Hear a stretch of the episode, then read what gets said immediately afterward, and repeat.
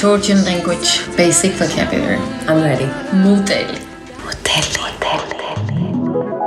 Swear, swear. Sweli. Muteli, swear. Is that good? Too good. I can leave and come back.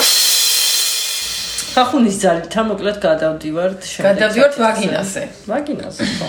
ფეხბურთის იმან გამოიარა თუ რაღაცა დებილური ისინი რა შუტკები და ეს რა ქვია ეს რა ამას რა ვიწრო ვაგინა აქვს ამას რა ფართო აქვს ამას რა დიდი აქვს რა მოჭერა მოჭერაზე სუის მე რაღაცა კლუჩი დგას და რაღაცა სუჭერს I mean ხალხო what the fuck? კარგით რა. როგორ ლესბოსელებში დგამიგეს მოჭერის ამბავი და აი როგორ ჯიშობენ როგორ ჯიშობ ვაგინით. რამდენ რაღაცა ვარჯიშობ მაკლია ვაგინო კი სექსის დროს ვარჯიშობ და it's enough like საკმარის მე მსხვილად მაფოთოლოს ხოლმე ეგეთ რაღაცა აბდლური გინეკოლოგიური შუტკები ისე ამოუკერე შენი ცოლი გაგეხარდება ჩემო გენაცვალი ერთი და ერთი დამატებით ის დავადე რა ქვია ნაკერია მერტო და როგორ აწამებენ? ქალებს რომ კაცებს ეს ამოუნოთ როცა აბსოლუტურად არაფერში არ ჭირდება ეგ ამბავი. აი ვაგინის სიფართოვე ქალის სიამოვნებას საერთოდ საერთოდ არ განსაზღვრავს ანუ ხო და პრობლემაც ეგ არის ქალის სიამოვნებას მან არ მინდა ფიქრობს ხო. ლესბიანკების საავტორო გადაცემა. ანუ სის მხარეს არ არის ზემოთ კლიტორის მხარეს. რაღაც ნაწილში მე ხორკლიანი ზედაპირი არის სკვირთისთვის მნიშვნელოვანია ეგ არის მინდა წერტილა ესე რომ შედიხარ ხელს რო შეუსრიალებ და ზემოთ ვაგინის ზომა არის მნიშვნელოვანი ზოგს უფრო დიდი აქვს ზოგს უფრო მოკლე აქვს და საშვილოსნოს აუ აუ ეს ამნიშნულოვანია რომ ვერაფრით ვერ მიშველეს ჩემს ენდომეტრიოზის პრობლემებზე. ვიღაცამ ესე შემოთავაზა რომ იქნება ოსტეოპატთან წახვიდეო. ეს ოსტეოპატი მისიჯავს მუცელს. ესე ადრესე მომდა ო თქვენი საშვილოსნო გადმოყირავებულიაო წელიწადში ორჯერ გინეკოლოგებთან დავდიოდი. მე მე ვნახე ყველა ჩემს ეხოსკოპიაზე წერია, გადმოყირებული. ა და არ გითხრეს. არ არ თვლია საჭიროთ რომ და ეხა უყურე და ეს მიმუშავებს ამ ჩემს საშუალებას და მეუბნება, პენეტრაციული სექსის ოსკივილები არ გაქვთ? და I'm like აგაშენა მერტმა მაგ. ყველა ჯერზე ველაპარაკებოდი ამაზე ჩემს იმას რა ქვია გინეკოლოგს. ზოგიერთი საშუალოს არ ხარ დაგვირებული რომ საშოში რომ შედიხარ ზოგი შეიძლება ზემოთ არის ზოგი შეიძლება ქვემოთ არის და ზოგი შეიძლება უფრო ჰორიზონტალურად. მაგას განსაზღვრავს საშუალოსნოს პოზიცია. პოზიცია ანუ ის ადამიანები ვისაც აქვს გადაყირებული წინან უკან საშუალოსნო ამ ადამიანებს ბუნებრივად არ შეუძლიათ საშოში პენეტრაციის რაღაც ზომის იქით წასვლა, იმიტომ რომ მე ურტყამს ამ გადმოყირავებულ საშუალოსნოს რა. და თქო. და მტკივნეულია. გარდა ამისა, ციკლის განმავლობაში იცვლება. გრძელდება. გრძელდება და მოკლდება. და მე ნუ რა თქმა უნდა დასველების იმაზე ნაწილებზიც სხვადასხვანაირი არის ციკლის მიხედვით. და ეს ნიშნავს ძალიან კონკრეტულ რაღაცას. ანუ არის გარკვეული ზომა, რომლითაც ვერ ანუ ეს ამნიშნულოვანია, იმიტომ რომ და პოზიციები, ხო არის პოზიცია, მაგალითად ისევ მიუბრუნდები რაკამის პოზიციას უკნიდან. უკნიდან როცა ხარ, მაშინ მოკლდება შენი საშო ამ პოზიციაში. შესაბამისად პარტნიორი უკნიდან რომ შემოდის შენში, თუ ეს არ გაითვალისწინა, რომ გტკივა, აუ ძალიან მძიმე რაღაცებს შეიძლება დაიტანო. და ესეც ისევ ტაბუირებული აუ რას ქვია არ მისტორებ რომ ეხლა ეგრე უნდა გქონდეს სექსი და მე ესე მინდა და რატო არ აკეთებ და ამისათვის ძალიან კარგი გამოსავალი არის. ამორტიზატორები არსებობს სხვათა შორის იცოდი ეგ ამბავი აა რამდენადაც ამორტიზატორები ვარ უსმენ ხალხო. ამორტიზატორი არის აა დიკრინგის პონტშია.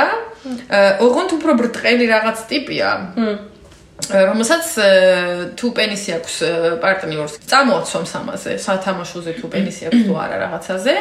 და აი ანუ აღარ ფიქრობს იმაზე რომ აი ხა ძალიან ღრმად არ შევიდე ვაგინაში საკავებს ამას. ექსპერტული რჩევები. ლესბიანების ლესბიანკა ქალების რჩევები. მე რა მგონია ხოლმე იცი რომ ნების აი გენდერის და იმის და მიუხედავად რა ასე თქო დახჭურულობა აქვს ან არა აქვს ადამიანს ანატომიურად კარგია ხოლმე ფინგერინგი და თითებით კარგად კარგი მას პირი პირი გაშრა აგე ჩაიკიდია ამ სამას ორი ვის პარტნიორები ნამდვილად. შეგვიძლია რომ პირი გავისვენოთ ყველა ხახამშარი არ დავჭერ ხოდ მოკლედ იმის თქმა მინდა რომ ძალიან ძნელი ეპიზოდია ყველა ჯერზე ვჩერდებით სახორხოცე. იმიტომ რომ ძალიან ისეთ თემა. სახორხოცე ეპიზოდი. სახორხოცე ეპიზოდი. მაგისთვის თორ თაკა. თან ოღონდ სერიოზულია თან სახორხოცე. ხოდა ის თქმა მინდოდა. თითებით. შეგიძლიათ ბუნებრივია თუ პარტნიორსაც სიამოვნებს, ეგ ხა თუ პარტნიორი უარზე არის, არავითარ შემთხვევაში გავნახნათ რა, მაგრამ აა სიტყვაზე ადამიანს თუ პენისი აქვს ან თუ სიტყვაზე დილდო აქვს, რომ ეს გამოყენებაც უყურს და რაღაცა, არ უნდა გაუტყდეს საერთო შემთხვევაში თითების გამოყენება. იმიტომ რომ იმის საშუალებას გაძლევს კიდე რომ ანუ შეხვიდე ნახო ასე თქვა სიტუაციას მიმოიხედო სიტუაციას გაეცნო. ანუ სი სი სიგრმაზეც და სიგრმაზეც და რაღაცაებსაც ანუ რაღაცა ტიპის ინფორმაციას და თქვა მას გაძლევს რა გათითვა ხო გათითვა როგორც ასე ვთქვათ პარტნიორთან გაცნობის და მუტალთან გაცნობის ერთ-ერთი საშუალება რომელიც ნაკლებად ეს არის კონსენტით იმიტომ რომ პენეტრაცია არა ხო ეგ თავისთავად მაგას ვთქვით მაგრამ გამომატებით ხო გამომატებით გამეორება ცოდნის დედა. გამეორება ცოდნის მუტელია. ოო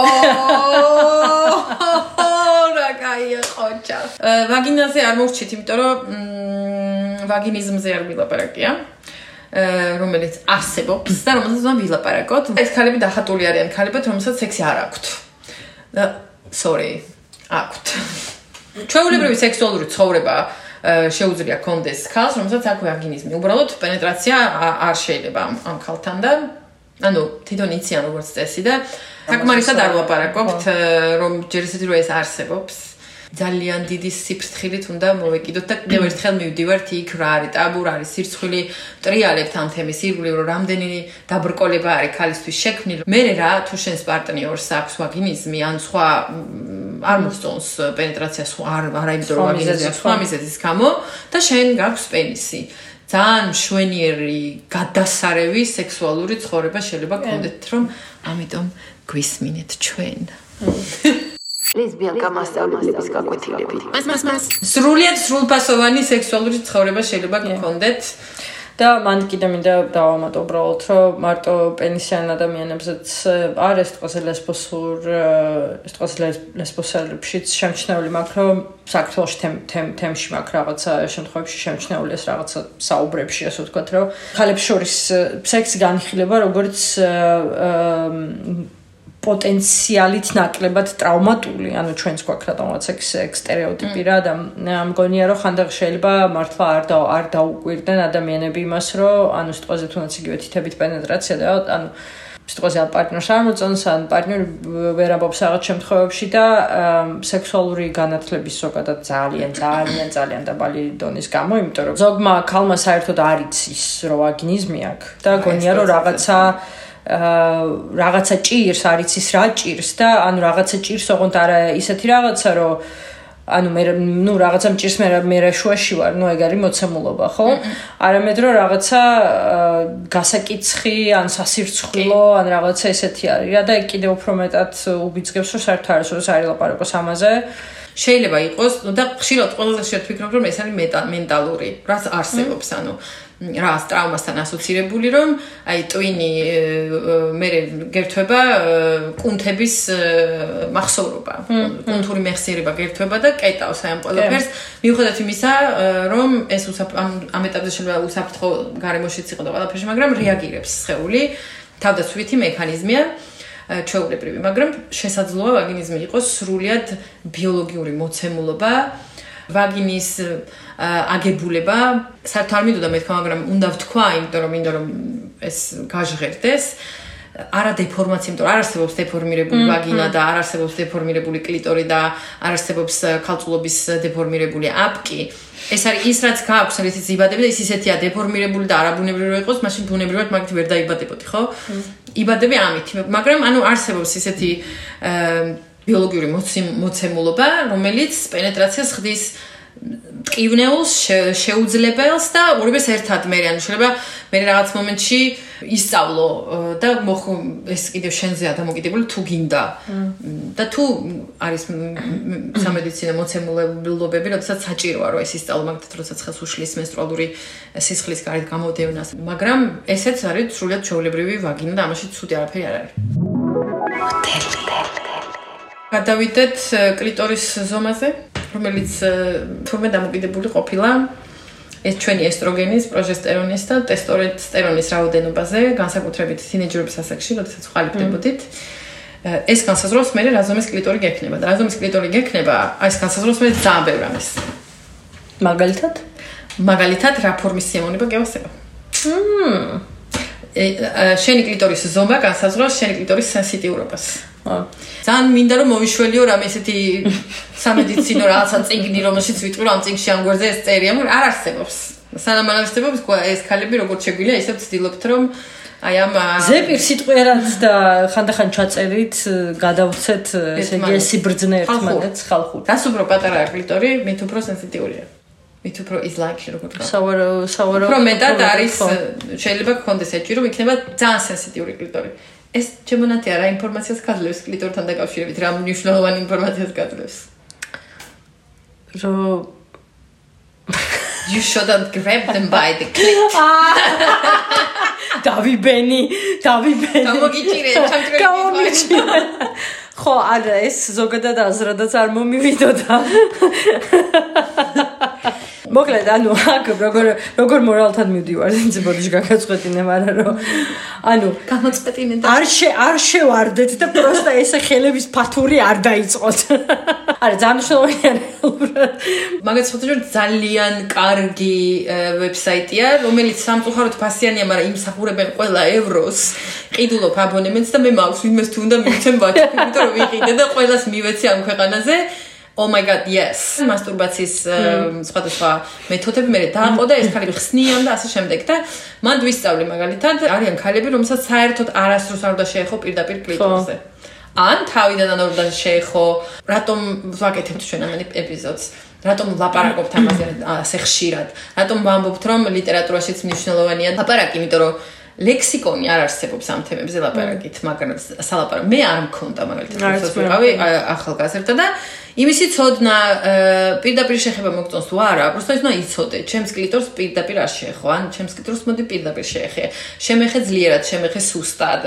მე მომწონს წრიული მოძრაობა, მე მომწონს ზევით ქვევით მოძრაობა, მე მომწონს tapping, whatever it is. ჰა. მიკაკუნება. მიკაკუნება. შემომარტყი არა. შემომარტყი.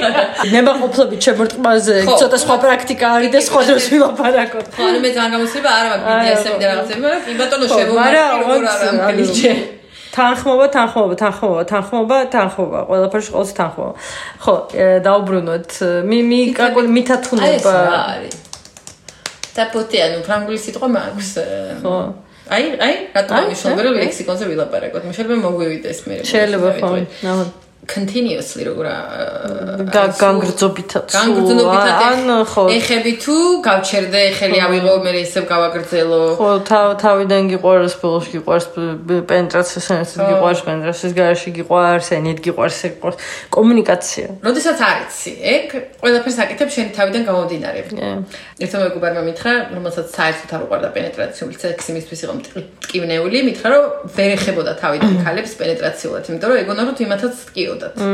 ან კაცები რო გეტყვენ ეგრევე პირველ შუტკაში. ეხლა შენ ქალი ხარ, შენ ხო იგი გააქვს და იგი როგორ მუშაობს, გეცოდინება და და უნდა აუხსნა და უნდა შეასწავლო ზოგადად ყველა ქალს.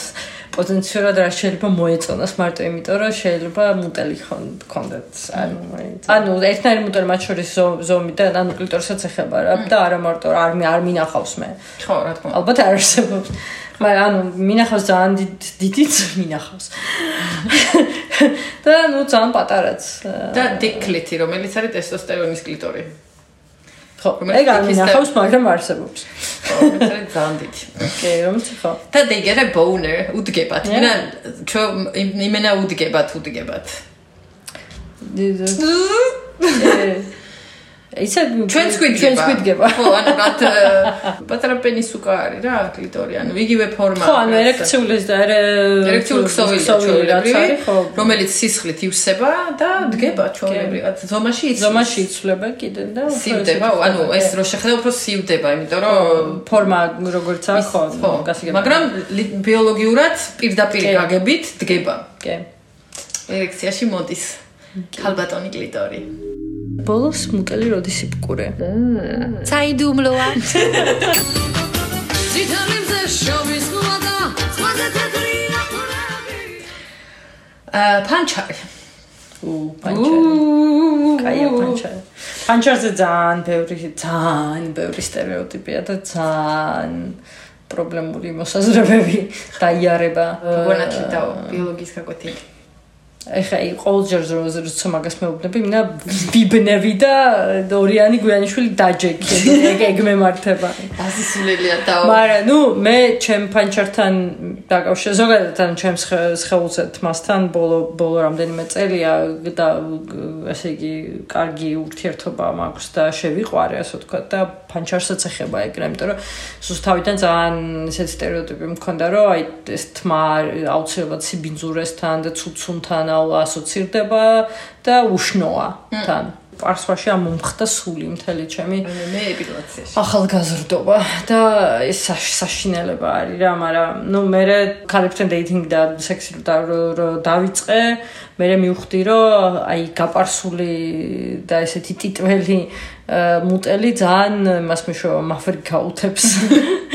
ანუ ეგეც ხო, ნუ ბუნებრივი ადამიანის არჩევანი არის რას გააკეთებს და როგორ გააკეთებს, მაგრამ ჩემთვის ძალიან არა სიტყვაზე არაზრდასრული ადამიანის ასოციაციას იწვევს. ჩემი ასე ვთქვათ, თმა, ჩემი ფანჩარი ძალიან მიყვარს დღესდღეობით და არც აღარ ვუშვები, ნუ გარდა იმისა, რომ ხა ჩემი სრულებისთან მიხედვით შეიძლება ოდნავ რაღაც ფორმა მივცემ, შევა შევაკეთო. შემოკრიჭო. მოუარო, შემოვკრიჭო. მაგრამ თავი გაკვეთილი ჩემთვის არის ის, რომ ანუ თმა როდესაც მაგდა, როდესაც ხელს არ ვკიდებ, გაცნობ რომ კომფორტულად გრძნობ თავს და გაცნობ რომ ნაკლები პრობლემა მაქვს, კანზეც მათ შორის გარშემო. ვიდრე მაშინ როდესაც ვცდილობდი რომ ეს თმა მომეშორებინა. და მეორე ის რომ არავითარ ჰიგიენასთან და ცუცუნთან კავშირი არ აქვს მაგას რა, ანუ ხე ჰიგიენის რაღაცებს თუ არ მისდევს ადამიანი, გინა გაპარსული ქონდეს და გინა ეპილირებული, გინა არ ქონდეს რა, მაგას არ აქვს მნიშვნელობა. ანუ აი стереოტიპი რომ ეს თმა იქ რაღაცა იმას ქმნის, ასე ვთქვათ, სიბინძურის რაღაცას, ძალიან ტყუილია რა ხო. და ჯერ ესეთი სასარგებლო რაღაცა, ანუ ტყუილა კი არ გვაქვს თმა, აკავებს იქ იმ საჭირო ბაქტერიებს და ფლორას, რომელიც უნდა იყოს კიდე უნდა იყოს ბალანსში.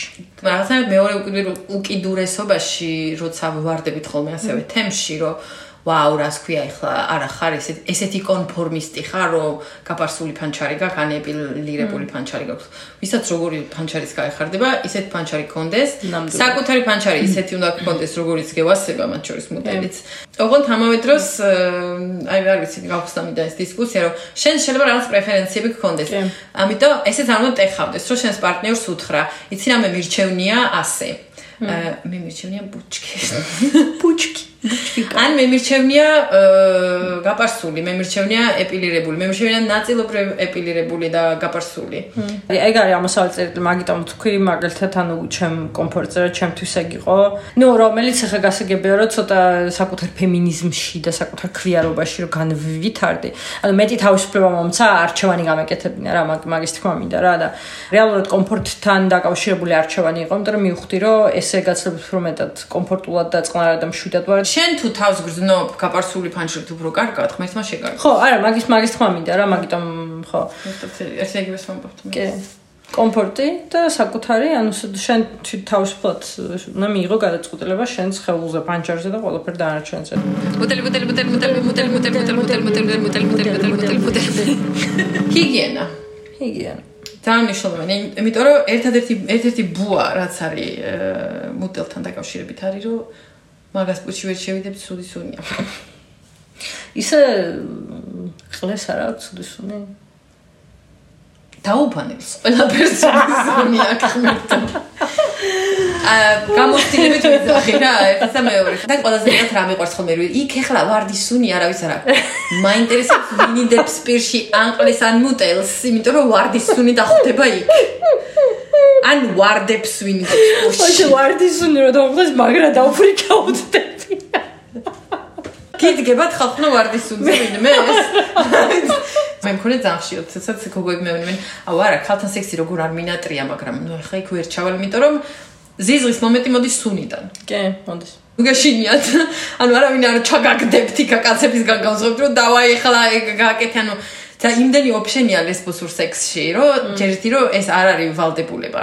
ვიღაცებს არ ევასებათ. ხო, რაც უბრალოდ არ. ორალური სექსი ძალიან თავისუფლად შეიძლება ისე მოხდა ქალთან სექს ისე გქონდეს ქალთან სექსი რომ ის რაც და- დაბრკოლებად გესახება აი ამისი დედრამატიზება მინდა. შეიძლება არც კი მოხდეს ეგ ამბავი და თუ მოხდა, ისეთი კომუნიკაცია დგება ნდობის ამ ეტაპზე, რომ პარტნიორი ვინც გიშვებს ქვევით და ეს პარტნიორი რასაც არ ყოფილა, ყოველთვის გაითვალისწინებს ამას და იცის ა- არავინ ამას ცუდ ტონად არ ჩაკითხვის. აა, როდესაც ამას აკეთებ პირველად და ძალიან დიდი მიმღებლობა გვაქვს ხოლმე თემში როგორც ასეთი. ყველა ერთ დღეს უცებ აღმოჩნდა ლესბოსურს არავინ არ დაბადებულა და ნუ სამწუხაროდ ჩვენ თემში ჯერ არ ვართ იქამდე მისული რომ მანამდე ამოირჩე და მივხვდი რომ ხარ ლესბოსელი, ვიდრე ოფშენად შემოგეტენა უკვე აურჩეულად ჰეტეროობა.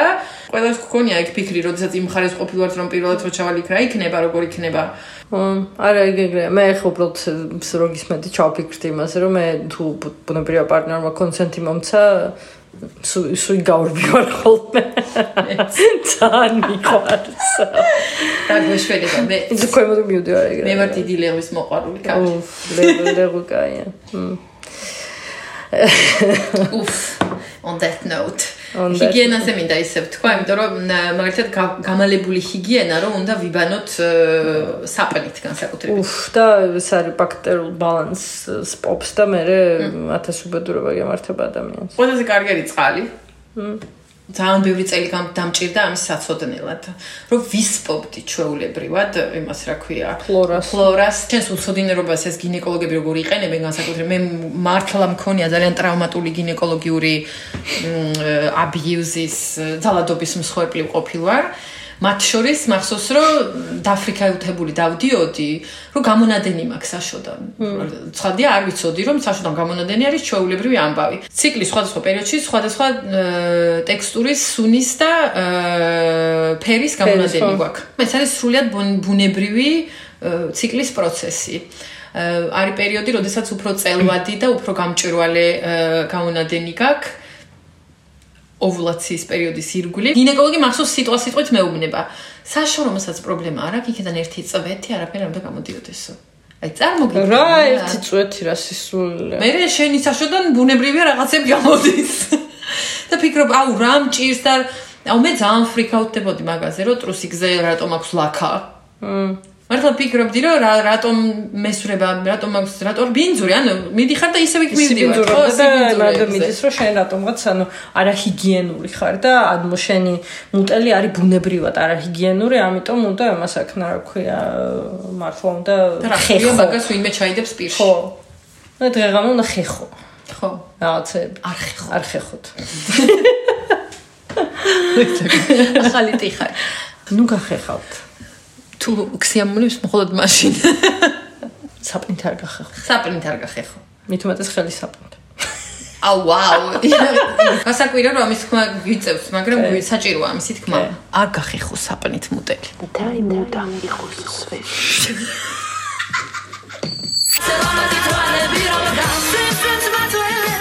ძალიან სოველი პოდკასტი. ვინო ვინო დუდუ დუდუ ქალე ქალე ქალე